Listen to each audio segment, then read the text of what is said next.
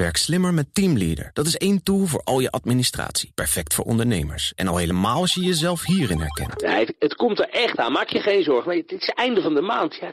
Zorg dat je druk bent met de juiste zaken en kies daarom voor Teamleader. Met CRM-facturatie, planning en offertes in één tool. Meer gedaan, minder gedoe. Dus probeer het nu gratis op teamleader.nl. Cryptocast wordt mede mogelijk gemaakt door BitTonic. Al tien jaar lang de Bitcoin-autoriteit van Nederland. BNR Nieuwsradio. Cryptocast. Herbert Blankenstein.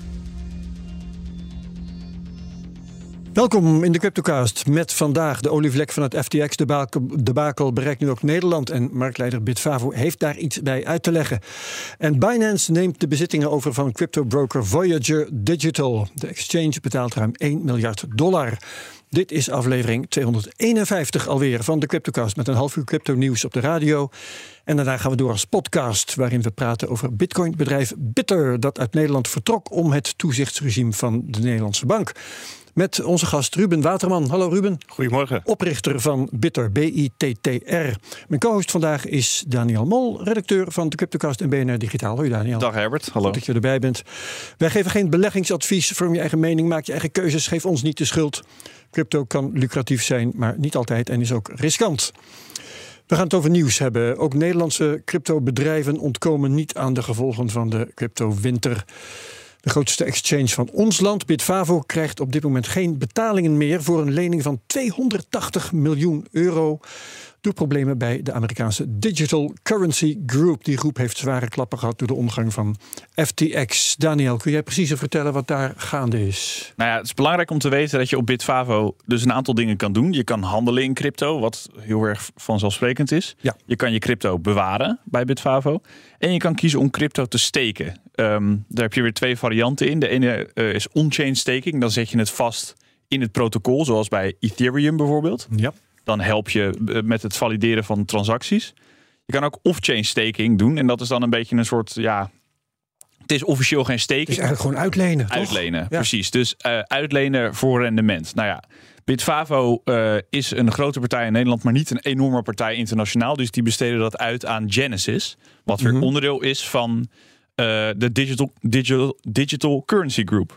Ja. Nou ja, dat is de, het moederbedrijf dus van de Genesis. En dat zit flink in de problemen sinds de val van FTX. En nu blijkt dat Bitfavo dat geld wat daar staat van klanten van Bitfavo niet meer terug kan krijgen door de val van. Ja, nou het is een lening, dus het was niet de bedoeling dat ze het meteen terug zouden krijgen. Maar de betalingen zijn gestaakt. Hè? De, de rentebetalingen en Ja. eventueel aflossingen. Ja. Ik weet niet precies hoe dat gestructureerd Dus is. de- er zijn liquiditeitsproblemen en eh Bitfavo heeft ongeveer 1,6 miljard eh, onder beheer. Ja. En 280 miljoen krijgen ze daar, daarvan mogelijk niet meer terug. Dat is dus Ja. nog maar de vraag. Het zou ook kunnen dat het uiteindelijk wel weer terugkomt. Alleen, Het is, eh, het is te vergelijken volgens mij met de situatie waar veel eh, klanten van cryptobedrijven ook in zitten. Je hebt je geld ergens neergezet en op een gegeven moment eh, kun je er niet meer bij. Dat is, dat is eigenlijk de, de, de situatie waar Bitfavo nu ja, in zit. misschien wel een beetje, ehm, inderdaad. En eh, Genesis is, eh, bestaat nog en Digital Currency Group bestaat nog. Ja, en, ze zijn niet eh, failliet. Precies, dus Ja. dat is echt wel belangrijk om, om te Ja. noemen. Het is niet zoals bij FTX dat het geld nu echt wel weg is en dat er schuldeisers komen en dat je een rechtszaak, eindeloze rechtszaak krijgt. Dat is allemaal niet aan de hand. Dat is echt wel belangrijk om te benoemen. En Bitfavo, heel belangrijk, zegt ook: oké, desnoods. Als we dat geld dreigen niet meer te krijgen, dan eh, zeggen we, joh, dan vergoeden we het zelf wel voor de klanten. Dus de klanten Ja. komen naar eigen zeggen niet in het. eh, Ja, en ze zeggen daarbij, we hebben spaargeld zat. ja, nou ja, er zijn afgelopen, de afgelopen twee jaar vooral flinke winst gemaakt. Ja. Ik zag eh, nou ja, 175 miljoen winst volgens mij op het 225 miljoen omzet. Ja. Nou, dat is best aardig. Dus Ja. dan kan je dat inderdaad betalen. Het is een flinke klap. Als dat inderdaad gaat gebeuren, dat hoeft helemaal nog niet te gebeuren. Maar ze kunnen het in ieder geval opvangen. Dat is fijn. Ja, althans, dat zeggen ze. Dat zeggen ze, ja. Ik wil, ik wil één ding opmerken over dat steken, want dat is, vind ik wel belangrijk. Ehm, als je het vergelijkt met bijvoorbeeld Celsius, die betaalde, eh, ik weet niet meer precies wat het was, 4 of 6 procent op bitcoin en nog veel hogere percentages in de dubbele cijfers op allerlei andere coins. Dat steken bij Bitfavo, dat had altijd veel lagere tarieven. Een procentje of eh één, geloof ik, voor bitcoin. Intussen is het, dacht ik, een half zelfs nog maar. Eh, en en eh, iets in de orde van twee voor Ethereum enzovoort. Ehm, gaf op mij altijd de indruk dat het dan ook wel een lager risico zou hebben. Ik denk ook dat het daadwerkelijk een laag risico is. Want we weten inmiddels dat Celsius, de hoogste rendementen van Celsius, die kwamen van Anker. Het Anker-protocol, wat weer verbonden was aan Terra Luna. Wat nou ook op spectaculaire wijze afgelopen zomer is We geïmplodeerd. weten het. ja. dus daar. En dat was een systeem dat alleen kon werken als de markt omhoog ging. Eh, en hier moeten we dat nog maar zien. En een half procent op bitcoin bijvoorbeeld, dat, dat vind ik niet een heel onrealistisch rendement. Nee, nee. Eh, aan de andere kant hadden we het net over, ja, naar eigen zeggen kan Bitfavo dat allemaal best eh, ehm, ophoesten als dat nodig zou zijn. Ja, ze hebben op een gegeven moment ook gezegd, oh, we zijn helemaal niet blootgesteld aan de ellende rond FTX. Dat zeiden ze in het Financieel Dagblad. Ja. Tegen eh cryptoverslaggever daar, Pim Brasser. Ehm, dat was dus gewoon niet waar. En dus het begint altijd met cryptobedrijven, hè, FTX, eh, zelfs is dat ze zeggen: Oh, maar er is jongens, er is helemaal niks aan de hand bij ons. Eh, all assets are fine, zei eh, Sam Bankman-Fried bijvoorbeeld nog. Ja, het is, dat is inderdaad wel pijnlijk dat je dat, dat, dat aanhaalt. Dat klopt ook. Ik denk dat het een beetje een, een beetje een flauw woordspelletje is geweest. Want het, zij werden specifiek gevraagd naar Genesis. En nu zijn de problemen, zeggen ze zelf, bij Digital Currency Group. Dus het moederbedrijf en aanverwante dochter, dochterbedrijven. Dus ik denk dat ze het een beetje misbruik hebben gemaakt van die woorden. Want in feite is het natuurlijk ja, min of meer dezelfde club waar je mee Ja. handelt. Ja. Eh, ja, en dat is misschien een beetje onnodig. Ja, dat, dat is wel pijnlijk. Ja. Ja, nou oké. Eh, even naar Ruben Waterman. Die eh, zit hier. Ja, jij runt een bitcoinbedrijf ehm, waar mensen kunnen sparen eh, in bitcoin. Dus zij storten geld bij jou. En eh, waar gaat in jouw geval dat geld heen? Bij mij komt het eh, geld op een euro of een Zwitserse frankrekening binnen.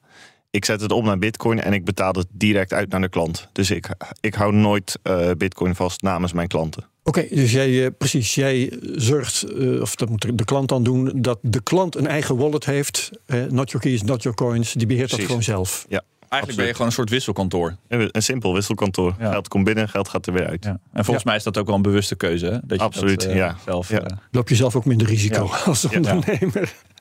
Ja, oké, dat is mooi, dat is helder. Ehm, ja, eh, Daniel, het eerste faillissement in Nederland is ook alweer bekend. Yield met DT.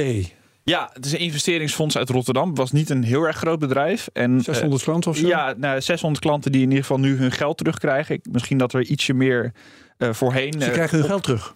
Ja, want het, ze gaan een faillissement in. En het is allemaal volgens mij, eh, omdat het in Nederland gebeurt, wordt dat netjes afgehandeld.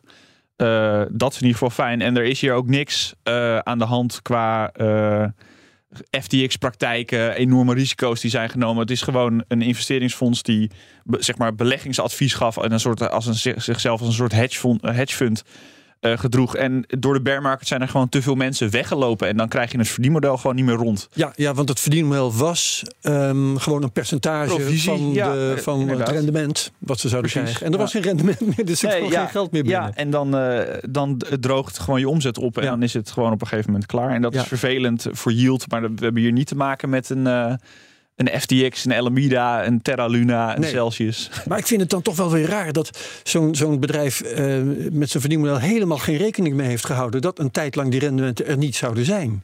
Dat is toch ongelooflijk? Ja, maar het kan natuurlijk ook zijn. Kijk, de 600 klanten, eh, dat, dan heb je het over een klein bedrijf. Nou, ik weet niet, weet niet precies hoe lang ze bezig waren. Dat moet je schuldig blijven. Maar Ja. een klein bedrijf, als het dan even de wind tegen zit, ja, dan valt het, valt het om. En dat kan gebeuren. En dat hoort denk ik ook bij een, bij een bearmarkt of een. In de, in de grote wereld een recessie, dan vallen bedrijven die net iets te zwak zijn, vallen gewoon om. Ja, dat is misschien het economische, de econom, het economisch proces. Ja, oké. Nou goed, ehm, eh, we dragen yield ten grave en we gaan excuus, over de prijzen praten met Bert Slachter van de digitale nieuwsbrief Bitcoin Alpha. Hallo Bert. Hey, goeiedag. Ehm, ja, zeg het maar. eh, wat zijn de belangrijke factoren die op dit moment op de prijzen van invloed zijn? Eh, we hebben een renteverhoging in Amerika en Europa gehad van 50 basispunten. Viel dat nou mee of tegen? Ja, klopt. Ja, vorige week twee dagen achter elkaar. Woensdag Amerika, donderdag Europa. En allebei in principe volgens de verwachting. Hè. We hadden dat verwacht dat het een iets lagere eh, verhoging zou zijn dan eerder. Ehm, de Federal Reserve, de Amerikaanse centrale bank, die schat nu wel in, wel echt in dat de piek achter hen ligt hè, in Amerika. Die was in, in uh, deze zomer 9,1 procent en inmiddels gedaald, meer dan verwacht ook gedaald naar 7,1. Powell die legde dat wel uit van waar kijkt hij nou naar voor die inflatie. En hij pelt dat een beetje af. Hij zegt ik ga eerst alle sterk fluctuerende stukken eraf halen, de, de energie, de brandstof en voedsel. Dan haal ik de producten eruit die duurder werden door productie- en leveringsproblemen, want die zien we nu echt goedkoper worden. Ja. Dan haal ik ook de diensten eruit die gerelateerd zijn aan wonen, zoals de huur. En wat dan overblijft, is een enorm blok aan diensten die niet met wonen te maken hebben. Bijvoorbeeld de schoonmakers, de kappers, de juristen. En die prijzen, die worden grotendeels gedicteerd door salarissen. En dat is waar Jerome Powell heel erg op gaat letten op de arbeidsmarkt. Want die is volgens hem nog veel te krap, veel te heet, zoals hij dat noemt. Dus dat is eigenlijk um, wat hij toelichtte. Ja, en de markten die hadden eigenlijk wel door van... Tja, als dat zo is, dan zal de rente inderdaad in 2023 nog wel een tijdje hoog blijven. Ja, en, maar als je zegt die salarissen zijn voor, vooralsnog de grootste boosdoener, dan zeg je eigenlijk ook dat um, de mensen van de inflatie uh, de komende tijd het meeste last uh, nog gaan krijgen. Want die salarissen mogen niet stijgen, terwijl dat juist de compensatie is die mensen nodig hebben. Ja, dat gebeurt dus ook op allerlei plekken, dat die salarissen wel stijgen. Mm. Um, en eh, zo koopkracht, koopkrachtcompensatie en zo. Dus dat, dus dat is eigenlijk uh, de grootste um, factor nu. Hè? Ja, Gaan maar die het is wat Powell wil bestrijden. Ja, ja, klopt. Dus hij, gaat, hij zegt eigenlijk van het zou, zou, zou, het zou fijn zijn als die arbeidsmarkt wat ruimer wordt. Dus dat er mensen ontslagen worden of dat er uh, meer mensen de arbeidsmarkt opgaan omdat ze meer gaan werken of dat ze weer willen gaan werken.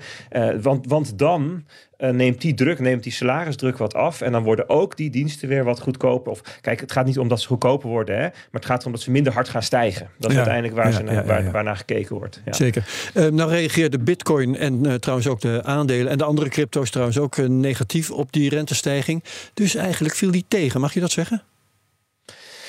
Um, nou, het, het, gaat er dus om. Kijk, het, het, einde van de verhoging is wel echt in zicht. Hè? Dus, dus de, de, de Fed zelf die verwacht nog. Um, 75 basispunten in 2023 en dan uit te komen op ja, zeg maar 5,25% als hoogste. Dus dat is 75 punten in heel 2023.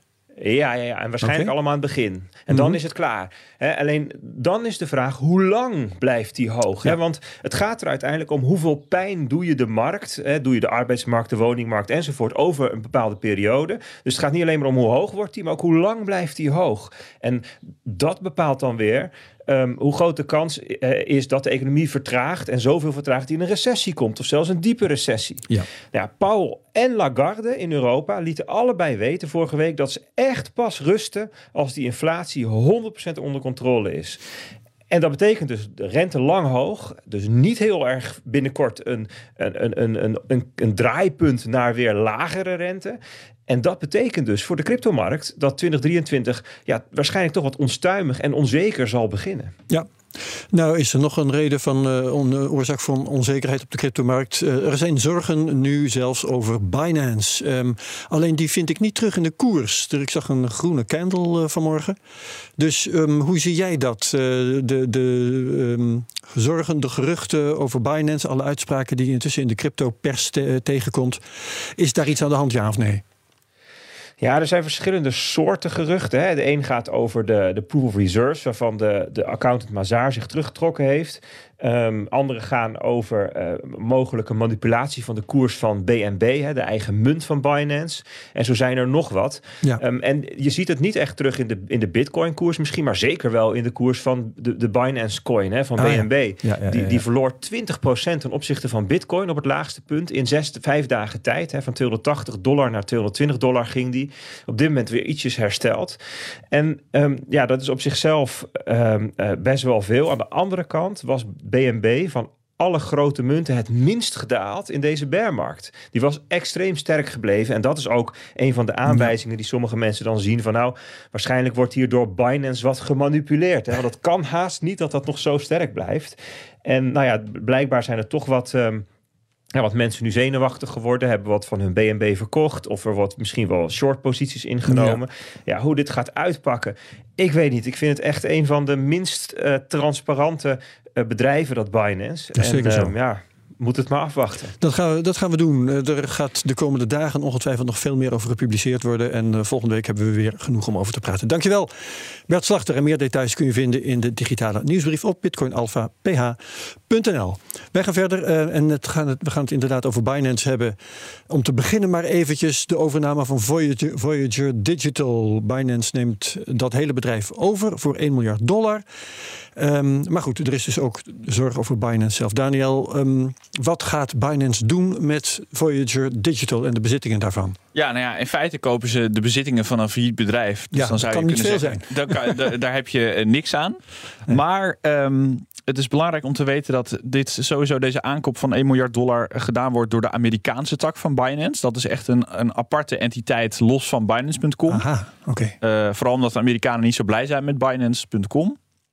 Nou ja, eh, Binance US betaalt dus 1 miljard dollar voor de Voyager assets. En dan daar, daar heb je natuurlijk niks aan. Maar ik denk dat het hier vooral om klanten gaat. Ja, ja, Voyager ja, had 3,5 miljoen eh, klanten.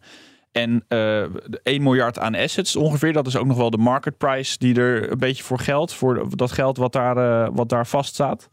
Ehm, en ongeveer 20 miljoen extra betalen ze voor die 3,5 miljoen klanten. Dus dat is een hele goedkope manier om eigenlijk marktaandeel te, te kopen. Gegevens van die Ja. mensen, de, voor, de handelsvoorkeuren van die mensen.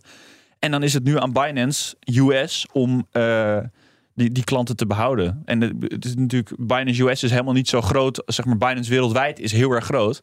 Alleen in de Verenigde Staten heb je Coinbase. En voorheen had je ook nog FTX.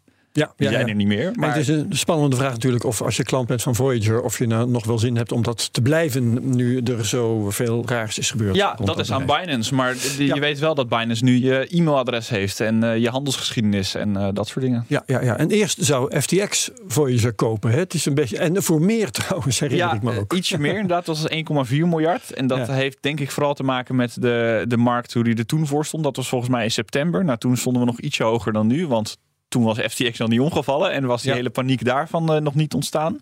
Eh, maar inderdaad, er werd een veiling georganiseerd. En zij wonnen dat. En zij... Nou ja, Sam Bankman-Fried, dus die topman van FTX, die had het idee dat hij een beetje de, de, de witte ridder, de, de, de redder van de cryptowereld was. Eh, nou, inmiddels weten we wel beter, maar hij ging even Voyager Digital en zijn klanten ging redden. Nou, dat, ja, en zijn bedrijf eh, vergroten natuurlijk eh, ja, in de proces. Het is niet gelukt. Nee, nee. Ruben Waterman eh, van Bitter, jij eh, volgt ongetwijfeld ook de hele crypto-wereld. Binance is op dit moment de grootste exchange. Ehm, is, is, eh, is dat een monopoliepositie? Is dat een problematische positie? Nee, nee, nee. Ik denk gewoon dat, dat competitie is, is goed. En eh may the best win. Eh, zo denk ik erover. Als, als Ja. zij... Natuurlijk, het zou fijn zijn als er een paar partijen zijn. Dat, dat, dat mensen ook een keuze hebben. Ehm, En ook die tegen elkaar opgewassen zijn. Hè? Dat is toch wel prettig. Ja. Ja, dus de vraag hoe dat dan eh, verder gaat. Maar goed, dat ehm, moeten we leren. Ehm, Daniel, er is discussie nu over de proof of reserves van Binance. Ja, daar hebben, Hebben ze eh, genoeg geld om, nou ja, om, om te doen wat ze doen? Hebben ze genoeg geld om hun klanten in een geval van een bankrun uit te betalen? De boel loopt al leeg. hè. 6 miljard Ja. hebben ze moeten terugbetalen aan klanten die dachten wij eh, eh, nemen alles toch maar op. Ja. Dus hoe staat het ervoor volgens jou? Nou ja, dat proof of reserves is natuurlijk een lopend verhaal. Daar hebben we het vorige week dus ook al over gehad. En toen ging het eh, over dat zij met een accountantskantoor, eh Mazaar, waar Bert het net ook even over had, een, een soort van audit hadden georganiseerd. Dat was geen officiële audit, maar een, ja, een beetje een halfslachtige audit. Waar Ja, ook nog de wat liabilities, hè, de verplichtingen stonden er niet eens op. Precies, dus Ja. eigenlijk had je er niet zo heel veel aan. Nou, iedereen was daar ook een beetje boos over. Die zei van jongens, wees eens transparant. Eh, Wat hebben we hier aan? wat hebben we hier aan inderdaad? Nou ja, daar was dus al een beetje hommeles over. En nu heeft Mazaar, eh, dat accountantskantoor, ook maar besloten... joh, we stoppen helemaal met onze dienstverlening aan cryptobedrijven te doen. En ze hebben ook dat rapport van vorige hebben ze Gewoon verwijderd. Ja, hoor, er natuurlijk. Dus het heeft ongeveer een week geduurd. En eh, nu, dus. is dat rapport weg. Eh, ze deden ook werkzaamheden voor Qcoin en Crypto.com... waar overigens ook al wat onzekerheid eh omspeelde. Ja. Nou, ja, iedereen eh, ligt nu onder een eh, vergrootglas. Ja, en en Binance tegelijk- maakt het niet makkelijker hier. eh. Nee, en tegelijkertijd komt een van de cryptomedia, ik moet, wil er even afwezen, misschien was het Coindesk, die eh, zwaait met allemaal rode vlaggen, een stuk of vijf. Ja, dat was wel een opiniestuk. Dus eh, Ja, dat is waar. vrij, misschien een beetje gechargeerd in die zin. Ja, maar Binance is gewoon niet transparant. Hè. Ze zitten in allerlei landen tegelijk, hebben geen officieel hoofdkantoor, bewegen zich voortdurend over de aardbol. Ja, En we weten gewoon niet wat ze hebben en waar ze goed voor zijn. ja nou Nou, ik ben het wat dat betreft misschien niet helemaal eens met Ruben dat, uh, dat zeg maar de, de beste mag winnen. Want de beste is in dit geval dus Binance. En dat vind ik niet het, het fijnste bedrijf om. Uh... Maar het is wel echt tijdelijk. Ja, nee, dat hoop ik dan ook. Um, maar goed, dus ze zijn wel heel machtig. En inderdaad, Coindesk die had een serie rode vlaggen in het, uh, in het Engels. Uh, uh, op, op een rijtje gezet. En ook over de, ja. hoe CZ, de topman van Binance, zich gedroeg tijdens een interview. Nou, dat was ook niet echt een goed optreden. Dat accountancykantoor uh, kwam nee. voorbij. Kijk, het is een geheimzinnig bedrijf. Intussen kopen ze wel gewoon Voyager. Dus ja. uh, daar halen ze dan een miljard voor uit de binnenzak. Ze ja. hebben een fonds ingesteld voor andere noodlijdende cryptobedrijven. Halen ze een miljard of iets, iets in die buurt uh, voor uit hun binnenzak. Moeten we ons echt zorgen maken over de, um, hoe heet het ook weer, de solvabiliteit van Binance? Ja, nou goed. Ze zullen ongetwijfeld veel geld hebben. Alleen de vraag is in hoeverre zij met praktijken bezig zijn die niet helemaal kloppen. Ja. nee, maar het gaat even om al of niet failliet gaan. Of, ja, nee, de, zijn de, je misschien gebeurt dat veilig? niet direct. Alleen zodra er onzekerheid ontstaat uh, in zo'n markt, en die is er, dan kunnen er heel veel dingen heel snel gaan. En dat ja. hebben we gezien bij meerdere bedrijven. Um, en je zou ook kunnen zeggen, joh, Binance, waarom gaan jullie niet met, uh, weet ik veel, een Deloitte, een Big Four accountantskantoor in zee? Ga dat helemaal die proof... Zorg dat je vertrouwen waard Precies, die audit ja. helemaal doen.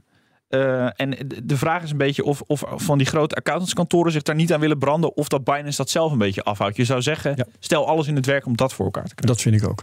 Uh, Ruben, we gaan het even hebben over de podcast die we zo direct opnemen. Jij hebt jouw bedrijf Bitter uit uh, Nederland verplaatst naar Zwitserland. Kun je in het kort vertellen waarom? klopt. Ik was in 2018 begonnen in Nederland.